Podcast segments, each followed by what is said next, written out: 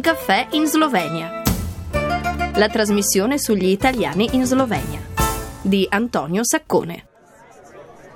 E buongiorno a tutti dalla voce di Antonio Saccone, ben ritrovati sulle frequenze di Radio Capodistria per la prima puntata della seconda edizione di Un caffè in Slovenia. Si tratta di una trasmissione che racconta le storie di tanti italiani che hanno deciso di trasferirsi in Slovenia. Sono tante le novità che ci aspettano per queste settimane, sono tante le storie che andremo ad ascoltare. Il tema che abbiamo scelto per la puntata odierna è particolarmente importante, è un tema particolarmente significativo sotto vari punti di vista. Si tratta di uno degli ambiti dei quali si dibatte di più e da più tempo in materia di trasferimenti dall'Italia verso l'estero. È comunemente noto con il termine di fuga dei cervelli e riguarda tutte quelle persone, eccellenze in ambito accademico e universitario, che per motivi di studio e di ricerca decidono di lasciare l'Italia per trasferirsi in un altro paese.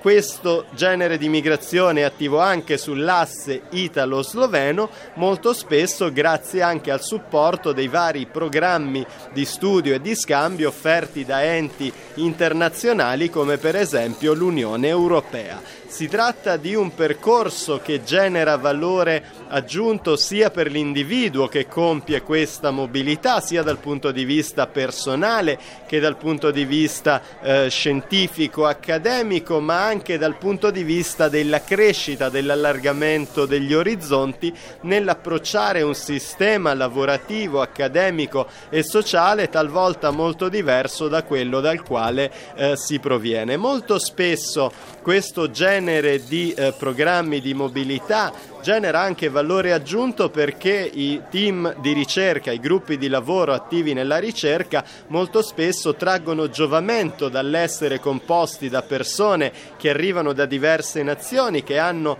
diversi background culturali, ma anche talvolta nei quali spiccano i profili dei professionisti italiani perché a volte l'università italiana viene accusata di avere un approccio troppo teorico, ma se questo approccio teorico viene inserito in un team dove ci sono anche persone che hanno uno sviluppato senso pratico, talvolta si riesce a ottenere dei risultati di eh, visibilità e di livello internazionale. Molto spesso i ricercatori italiani trovano all'estero dei sistemi di supporto sia dal punto di vista finanziario che delle infrastrutture che in Italia sembrano eh, mancare. Uno dei fili conduttori della puntata riguarda anche la crescita e l'apertura dal punto di vista interculturale, che è un meccanismo che si scatena molto spesso di riflesso quando si compiono delle esperienze all'estero. I caffè odierni sono con Leonardo Benjamin Rizzuto, un ragazzo che ha il padre campano, la madre tedesca, è nato in Germania, cresciuto nel Veneto, ha studiato fra Trieste e Lubiana e Angela Balzano, una ricercatrice di origini campane che al momento lavora a Lubiana presso la locale università alla facoltà di biotecnologie. Prima di ascoltare però le interviste, ascoltiamo un po' di musica, canta Antonello Venditti, la canzone è Notte prima degli esami. Io mi ricordo quattro ragazzi con la chitarra e un pianoforte sulla spalla. Come i pini di Roma, la vita non li spezza, questa notte è ancora nostra. Ma come fanno le segretarie con gli occhiali a farsi sposare dagli avvocati? Le bombe delle sei non fanno male è solo il giorno che muore. È solo il giorno che muore.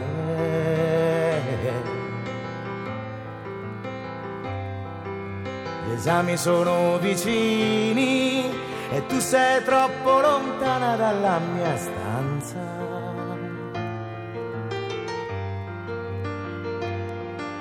Tuo padre sembra Dante e tuo fratello Ariosto. Stasera al solito posto la luna sembra strana, sarà che non ti vedo. Da una settimana.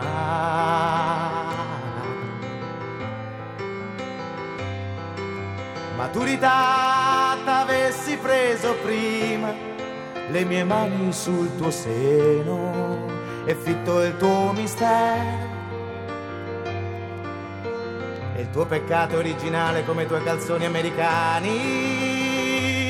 Non fermare, ti prego, le mie mani sulle tue cosce tese, chiuse come le chiese quando ti vuoi confessare.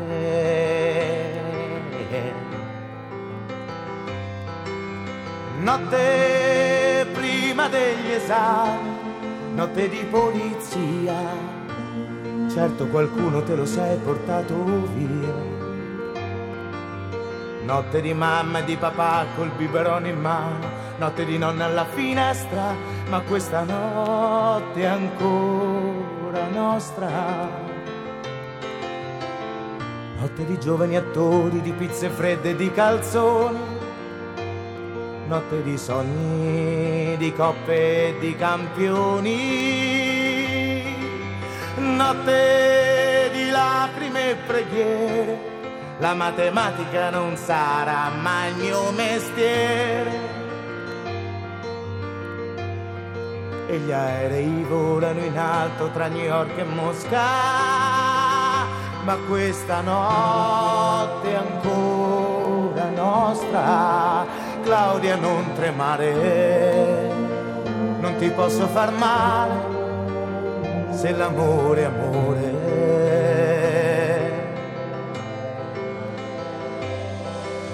Si accendono le luci qui sul palco, ma quanti amici intorno che viene voglia di cantare.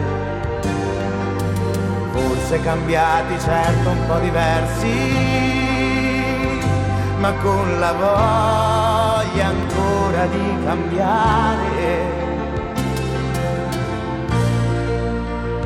se l'amore è amore, se l'amore è amore, se l'amore è amore.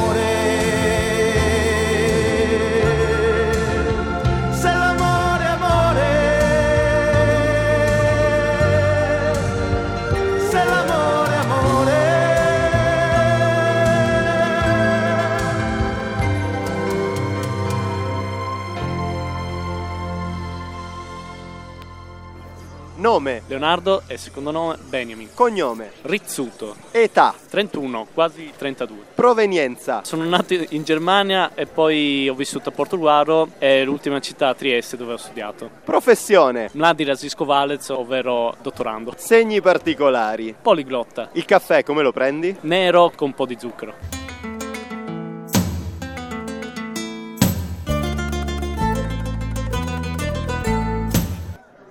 Sono nato in Germania, madre tedesca, e mio padre invece è del sud Italia, di Napoli. Si sono conosciuti là in Germania, appunto, poi si sono trasferiti in Italia, dove mio padre aveva vinto il concorso da docente alle superiori, insegnando all'inizio tedesco. Poi mia madre pure ha cominciato l'insegnamento del tedesco pure e dopo mio padre aveva preso la seconda laurea in storia e filosofia, quindi ha cominciato poco prima che io finissi poi il liceo di appunto storia e filosofia. Ho abitato a Portogruaro fino al compimento della cosiddetta maturità. Dopo il liceo mi sono iscritto a fisica a Trieste. È stata una piacevole eh, scoperta quella di Trieste perché appunto, come si dice, scontrosa all'inizio magari, perché rivela il suo fascino, anche il suo calore poco alla volta e all'inizio insomma devi un attimo ambientarti e non ti sembra così accogliente all'inizio, invece eh, devo dire attualmente Trieste mi manca anche certe volte più della mia città diciamo di origine. In Slovenia sono arrivato nell'ottobre 2017, è legato al fatto che appunto avevo fatto domanda di posto di dottorato di ricerca qua allo George Stefan Institute eh, qui a Lubiana. Il mio progetto di ricerca si basa su un esperimento che si trova in Giappone ed è un esperimento di alta energia, ovvero abbiamo un acceleratore che mm, accelera particelle elementari ad alte energie dove poi produciamo delle particelle ulteriori che andiamo a studiare, diciamo, andiamo a studiare i loro decadimenti e tante loro proprietà. C'è qualche esperienza particolare che ti è capitato di fare attraverso questo progetto di ricerca? A ottobre dell'anno scorso Borut Pahor era invitato come tanti altri capi di stati in Giappone per eh, la cerimonia di incoronamento del nuovo imperatore del Giappone. Quindi, insomma, l'abbiamo invitato a visitare il nostro bellissimo esperimento non lontano da Tokyo. Quindi, insomma, ho avuto il piacere di incontrarlo. Non ci ho parlato personalmente, però, insomma, gli ho dato una stretta di mano in ogni caso. Come ti trovi a eh, lavorare, a fare ricerca in Slovenia? Diciamo in generale mi trovo parecchio bene. Stando a Lubiana, diciamo, è una dimensione a me abbastanza congeniale, no? Di solito non ho nessun eh, grande problema, anche con la lingua in realtà me la cavo un po', avendo poi avuto la possibilità di seguire anche un corso di sloveno eh, offerto dall'Istituto Io Stefan. L'ho seguito per un paio d'anni, quindi diciamo che le cose base più o meno le so poi ovviamente manca un po' la pratica. Qual è la tua parola preferita? La preferita potrebbe essere ni problema.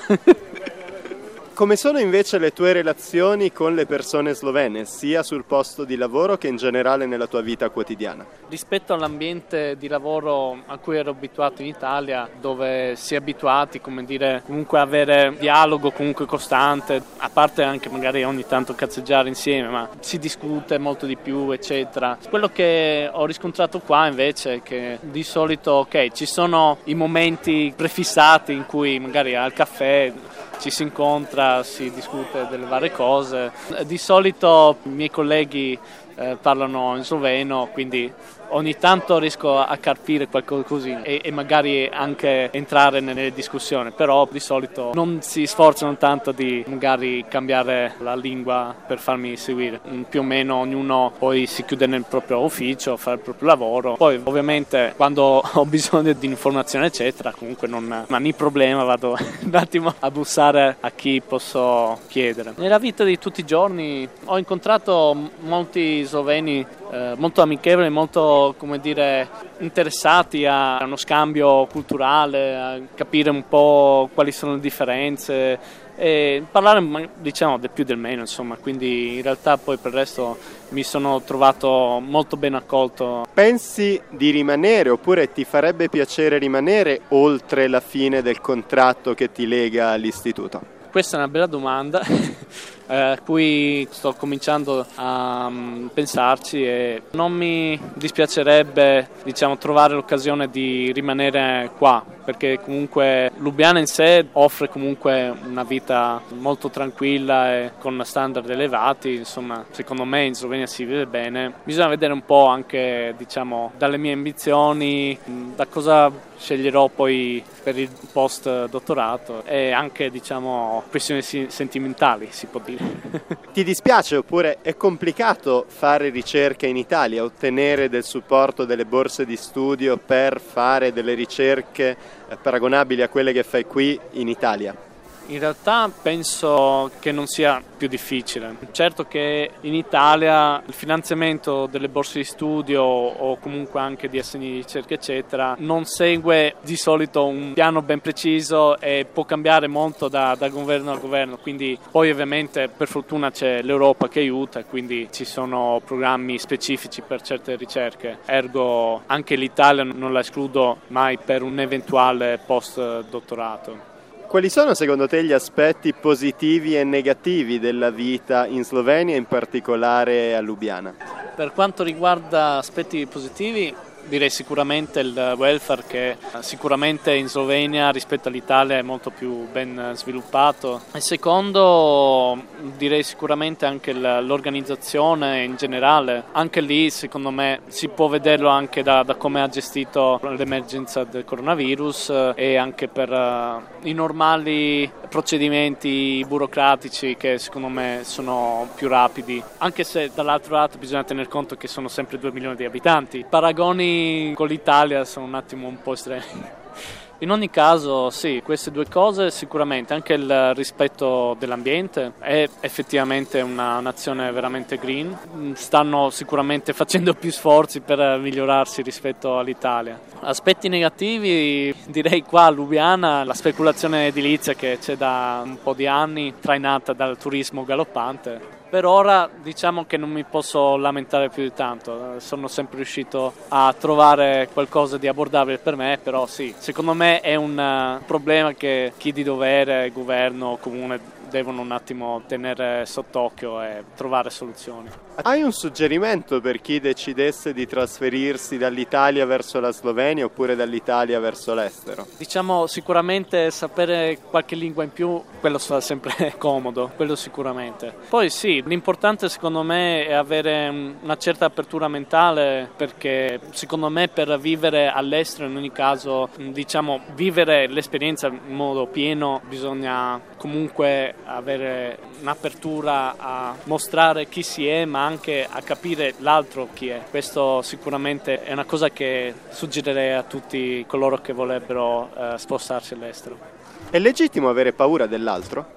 È sempre legittimo questo quando diciamo, uno non conosce l'altro, ma infatti come ho appena detto è importante avere questa apertura verso l'altro e mettere da parte un attimo le, le proprie paure per capire l'altro e riuscire a superare le paure che uno può eh, legittimamente avere.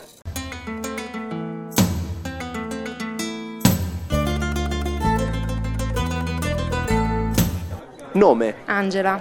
Cognome. Balzano. Età. 32. Provenienza. Napoli. Professione. La ricercatrice. Segni particolari. Sono gemelli. Il caffè come lo prendi? Provo un po' di tutto.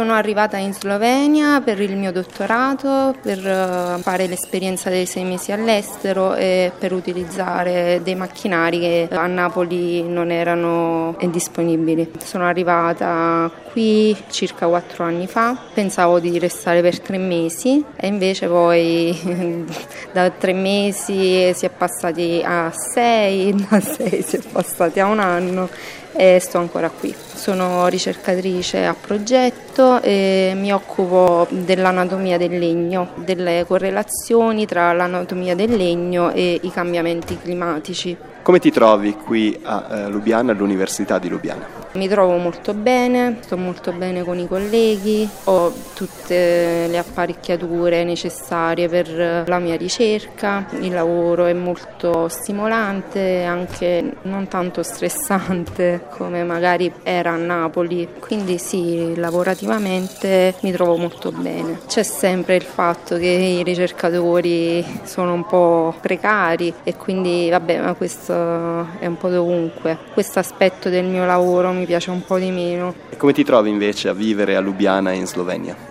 Qui mi trovo bene, solo che andando avanti con gli anni, ormai sono anni, mi manca la mia famiglia e gli amici che ho lasciato. Purtroppo non ho trovato amicizie come quelle che ho lasciato e quindi la questione sociale mm, non è proprio delle migliori. Come va invece con la lingua slovena? Benino, anche grazie al fatto che qui ci sono dei corsi per i dipendenti dell'università, quindi ogni anno seguo circa un paio di corsi brevi e questo aiuta molto. Hai una parola preferita in sloveno? Sì, una parola che secondo me dà proprio il senso di quello che significa è ampak, è proprio il suono del però, ma...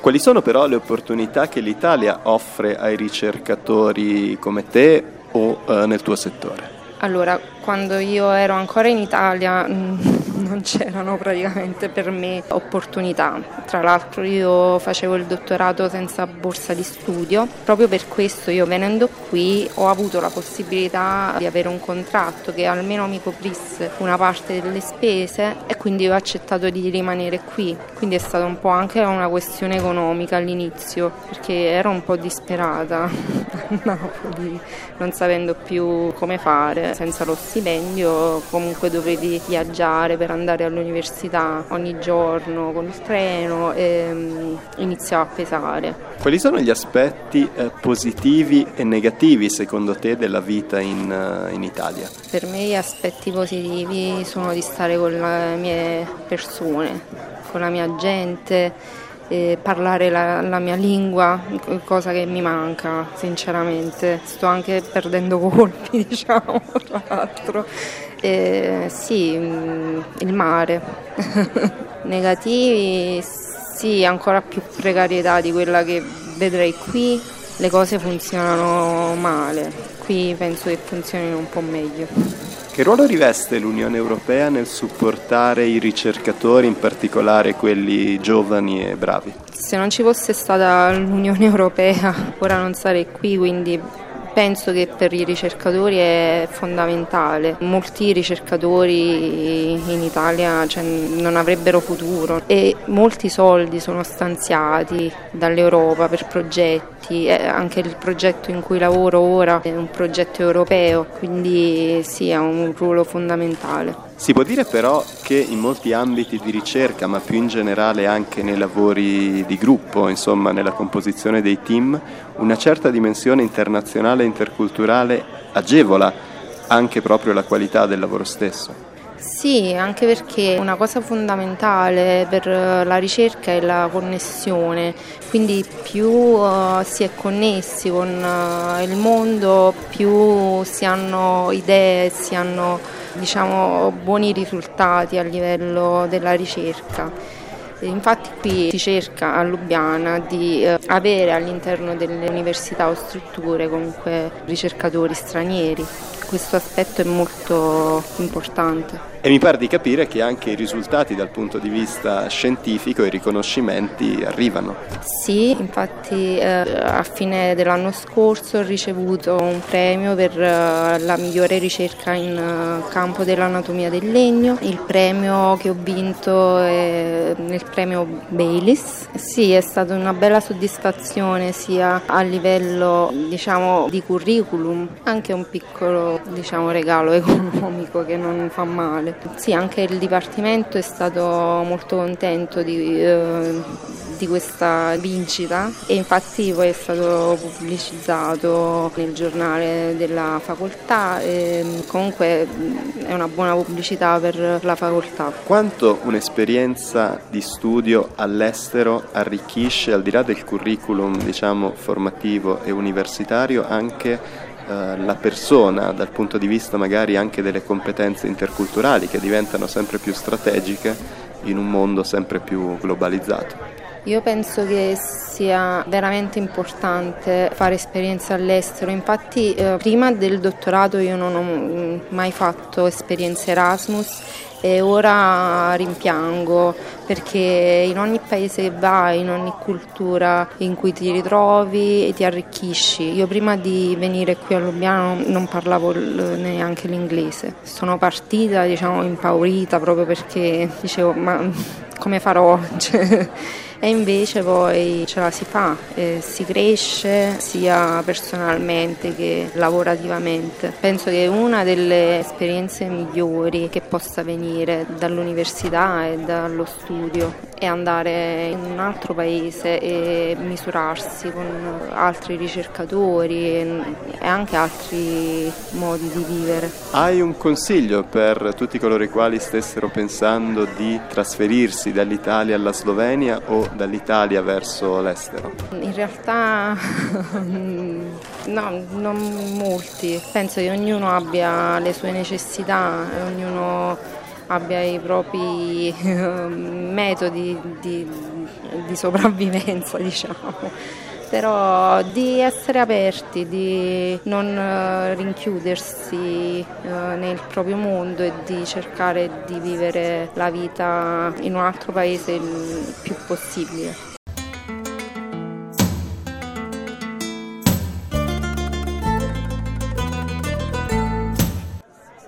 Cercare di allargare i propri orizzonti, conservare un approccio aperto nei confronti delle differenze interculturali, superare i propri pregiudizi affrontando l'altro senza paura, cercando di prendere in pieno tutto ciò che un'esperienza all'estero può offrire. Questo il suggerimento che i nostri amici ricercatori Leonardo Benjamin e Angela si sentono di dare a tutti coloro i quali stessero pensando di fare un'esperienza di studio, di volontariato, di lavoro di qualsiasi tipo all'estero ed è un bel messaggio ed è il messaggio con il quale si chiude questa puntata di un caffè in Slovenia. Grazie mille per la vostra attenzione da Antonio Saccone, tanti cari saluti.